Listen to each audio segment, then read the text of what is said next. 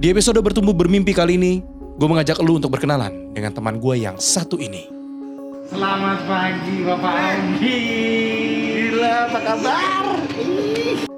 Sebuah cerita tentang proses bertumbuh dan bermimpi dari seorang Augie Fantinus. Nih? Gue disuguhkan apa nih pagi hari ini? Langsung. Ya kan namanya kita pas syutingnya pagi-pagi kan. Pagi-pagi. Paling cocok pagi-pagi ya roti dengan kopi kan. Roti ini tos, ini adalah usaha lo yang baru. Betul. Gimana kehidupan lo sekarang? Iya gue sih selalu menjawabnya selalu disyukuri ya apa pun. Di saat lagi enak atau mungkin orang ngelihatnya juga lagi berat, lagi susah. Nah, Karena ya lu tahu lah ya gue mah udah semuanya udah gue jalanin. Iya, iya. Senangnya banyak, susahnya juga lebih banyak. Jadi udah jalanin aja lah ya. Kalau ngomong kerjaan, ya gue masih menjalankan apa yang gue suka. Eh, konten basket, Iya. karena senang basket, sepak bola juga masih. Masih. Restoran gue emang udah jalanin udah lama dari 2012 Iya, kan. iya, iya. Karena gue punya si restoran Korea itu si Sore Pat Bingsu Pat dan Bingsu. Sekarang si Tos ini, wah kelihatannya makin banyak. Eh, berdarah-darahnya juga banyak sebenarnya. Eh, kita udah banyak yang tutup saat pandemi lah. Tapi kan kita sebagai manusia kan nggak bisa diem aja ya. Kita harus gimana caranya pertama survive mode dulu. Setelah survive kita ya udah cuma mau survive doang yang nggak bisa kita pengen coba untuk berkembang lagi. Iya, iya, iya. Ini kan berarti kalau lu, lu cerita tadi, ini momen-momen lu menjalani kehidupan lu, Iya. menjalani segala apa yang lu inginkan gitu, apa yang menjadi mimpi lu. Bagaimana proses bertumbuh ini yang tadi lu bilang? Iya. Menjalaninya tuh lu gimana sih? Gua sih justru belajarnya adalah setiap manusia itu harus punya mimpi Mhm. atau orang menyebutnya lu harus set target, set goal buat hidup lu.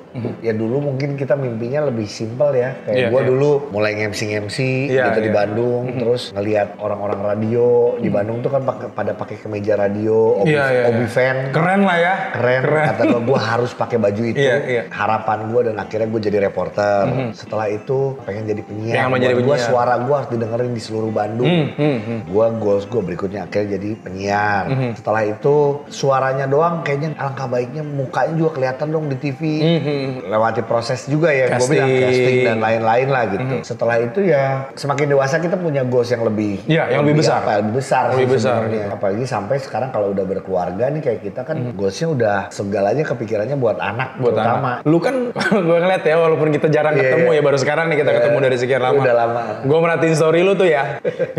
Ini orang storynya padet. Iya, iya. Uh, Main basket di mana tiba-tiba tiba-tiba main bola di sini tiba-tiba basket lagi Iya, iya. tiba-tiba ngurusin bisnis gitu kan. Lu melakukan itu banyak hal gitu dengan satu rentan waktu yang sama. Eh, sekarang apa pun gue coba lakuin. Berpikir aja mencoba untuk kreatif. As a content creator ya gue pasti mikirin gimmick-gimmicknya. Pertanyaannya masih gue lakukan sendiri. Podcast kan gue barengan sama Ujo. Sama Ujo. Bikin podcast Bikin pemain podcast cadangan juga, basket gue lakuin. Terus gue masih menjalankan olahraganya. Olahraga. Sendiri gue jalanin basket itu. dan sepak bola. Ah. Karena olahraga tuh tempat kita buat gue refreshing sih sebenarnya. Refreshing dan ketemu sama banyak orang. Karena kan kita ketemu sama komunitas-komunitas. Buat gue di situlah kita menjaga silaturahmi dengan siapa pun. Karena dari situ buat gue banyak hal positif yang kita bisa dapatkan. Dengan kayak gitu pasti ada pintu-pintu berkat atau pintu-pintu rezeki lagi buat gue dan keluarga termasuk juga orang-orang di sekeliling gue.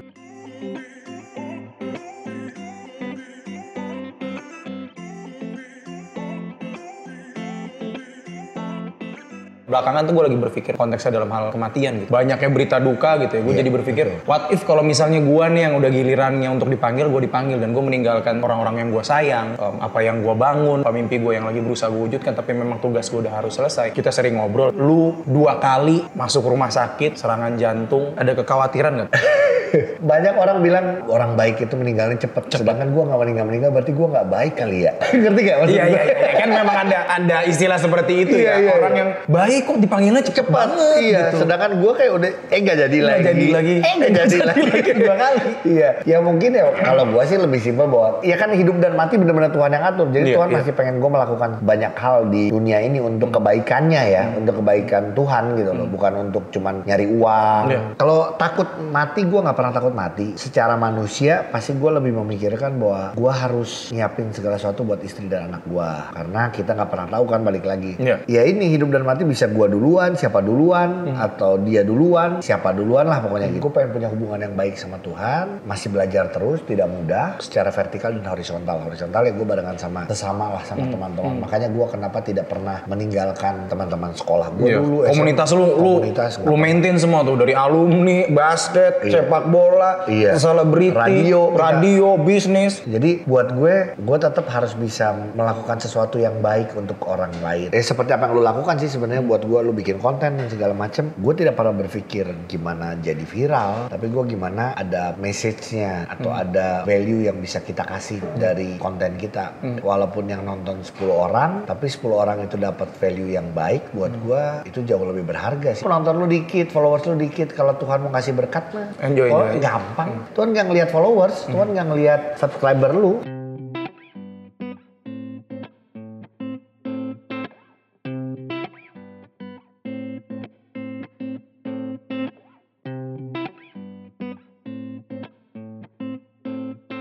Ketika proses berjalan ini gitu ya, bertumbuh gitu ya. Kalau yang gue rasakan ada momennya ya kita namanya manusia kan Gi. Bikin salah, kepleset. Gue sering banget kayak gitu. Di lu kan Pernah kepleset? Pernah kepleset gitu. Ya lu punya kasus hukum lah. 2018 akhir. Gue tuh gak pernah punya kasus hukum karena gue gak pernah cari masalah sama siapa pun ya kan. Iya. Orang-orang yang di sekeliling gue pasti tau lah gue orangnya gimana. Walaupun gue emosional. Gampang marah, temperamen sekarang. Iya, tahu ya. Tahu, tahu saya tahu. Pada satu radio ini. Iya.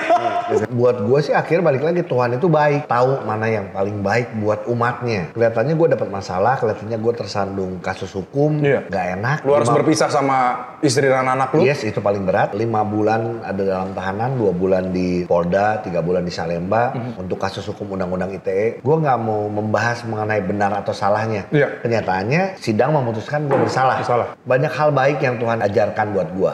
Pada saat lu di dalam, lu sama orang-orang yang punya kasus hukum yang berbeda-beda, lu harus bisa saling menghargai dan menghormati satu sama lain. Gue nangis terus di dalam tahanan saat Kayak gimana? Apa lu tadi bilang nangis, tapi situasinya sebenarnya kayak gimana sih Gi? lu di dalam tahanan tuh 24 jam tuh kayak lama banget. Sehari tuh kayak lama banget. Karena setiap hari kan gue nunggu ini, nunggu besok besukan. Supaya istri gue datang, teman-teman gue datang. Itu itu masa-masa senengnya lah di besuk. Dan gue melakukan banyak kegiatan. Di sana ada kegiatan gereja.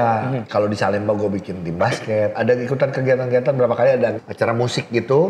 Ya gue nge-MC-nya berasa Iya, inbox. berasa inbox. Kalau kita kan halo semuanya, kabar Jakarta? Kalau gini, oke, pasal 101 atau gitu. Pak 310. Buat gua akhirnya gua harus berdamai sama diri sendiri itu yang paling gua belajar. Poinnya di situ ya. Lu berdamai dengan diri lu sendiri. Lu menerima dengan segala apa pun harus yang menerima terjadi. nah itu setelah gue bisa berdamai sama diri gue sendiri gue bisa menerima ya udah gue mencoba menjalankan itu dengan bukan dengan nyaman ya bahaya kalau nyaman di dalam jangan dong, jangan kelamaan. Iya. Ah, ternyata betah juga Bentar, di sini. enak dulu. Di sini aja. iya. Sekarang sih gue udah reunian bareng-bareng sama teman-teman yang ex Salemba. Gua udah- Ada reuni? Ada dong. Udah pernah zoom kita. Setelah udah pada keluar ya. Tapi ketika masalah itu berhasil lu lewatin, lu terima, lu jalanin, lu ikhlas, Iya. akhirnya lu survive sampai sekarang, lu bisa balik lagi, lu bisa berkarya lagi. Dan satu lagi kejadian itu membuat gue semakin dekat sama anak gue sama Enzo. Ingat gak gue keluar dari tahanan? Iya. Malam-malam. Malam-malam yang Enzo langsung teriak, Iya. papi, papi, Wah. papi, papi. Selesai gue. Udah keberapa kalinya gue cerita ini, cuman gue Pasti kepikiran anak. selalu berat. Enzo waktu itu tiga setengah tahun. Belum mengerti, tapi anak umur tiga setengah tahun, sorry, jorok banget gue ya. Gak apa lah kalau lagi sedih jorok. Nggak apa-apa. Namanya anak perasaan ya pasti ada, tahu Pasti bahwa ngerti. Ada sesuatu yang aneh nih, yang salah. aneh lima bulan nggak ada papinya. Iya, iya. gitu. Buat gue ya kedekatan itu yang akhirnya gue tidak pernah nyangka juga bahwa dia ngerasa kehilangan sosok papi yang lumayan lama. Ya kita kalau udah jadi orang tua segitu sayangnya kita rela berkorban buat anak kita. Betul. Bener gak sih? Bener. Apa pun dilakuin Apa pun deh. namanya Enzo sekarang udah bisa baca, udah bisa segala macam. Jadi dia ternyata sudah tahu kalau papinya pernah di penjara. Lucu lah anak kecil suka searching nama bapaknya karena dia tahu bapaknya artis. Jadi dia googling. Iya tapi kata gue artis gak semuanya kaya ya bro. Emang dari ke mana-mana itu gue takutin gimana ya Gimana cara ngomong? Iya, menyampaikannya. iya, iya. Karena itu adalah hal yang berat ya. Berat. Waktu itu gue cuma menjelaskannya bahwa ya Enzo tahu ya papi di penjara ya iya. Penjara apa sih Jo? Hmm. Jail kata Enzo. Kalau di jail tuh ada siapa aja? Dia diem aja. "Eh, ini ya bad guy ya, orang-orang jahat ya. Hmm. Enzo udah ngangguk. Terus kata gue papi nggak jahat karena papi tetap disayang sama mami, disayang Hmm. sama oma, disayang sama teman-teman papi lihat yang suka datang ke sini. Semua sayang sama papi. Hmm. Jadi papi nggak bad loh. Gue bilang, tapi I did mistake, I did something wrong, and I have to responsible. Jadi papi harus ada di jail. Gue cuma bilang gitu doang. Jadi gue nggak tidak menjelaskan sampai ke pasal 28 ayat berapa gitu kan. Repot ya. Untungnya Enzo juga belum paham. Coba kalau paham. Gue yang takut adalah Enzo malah hafal pasal. kan lu lebih pusing.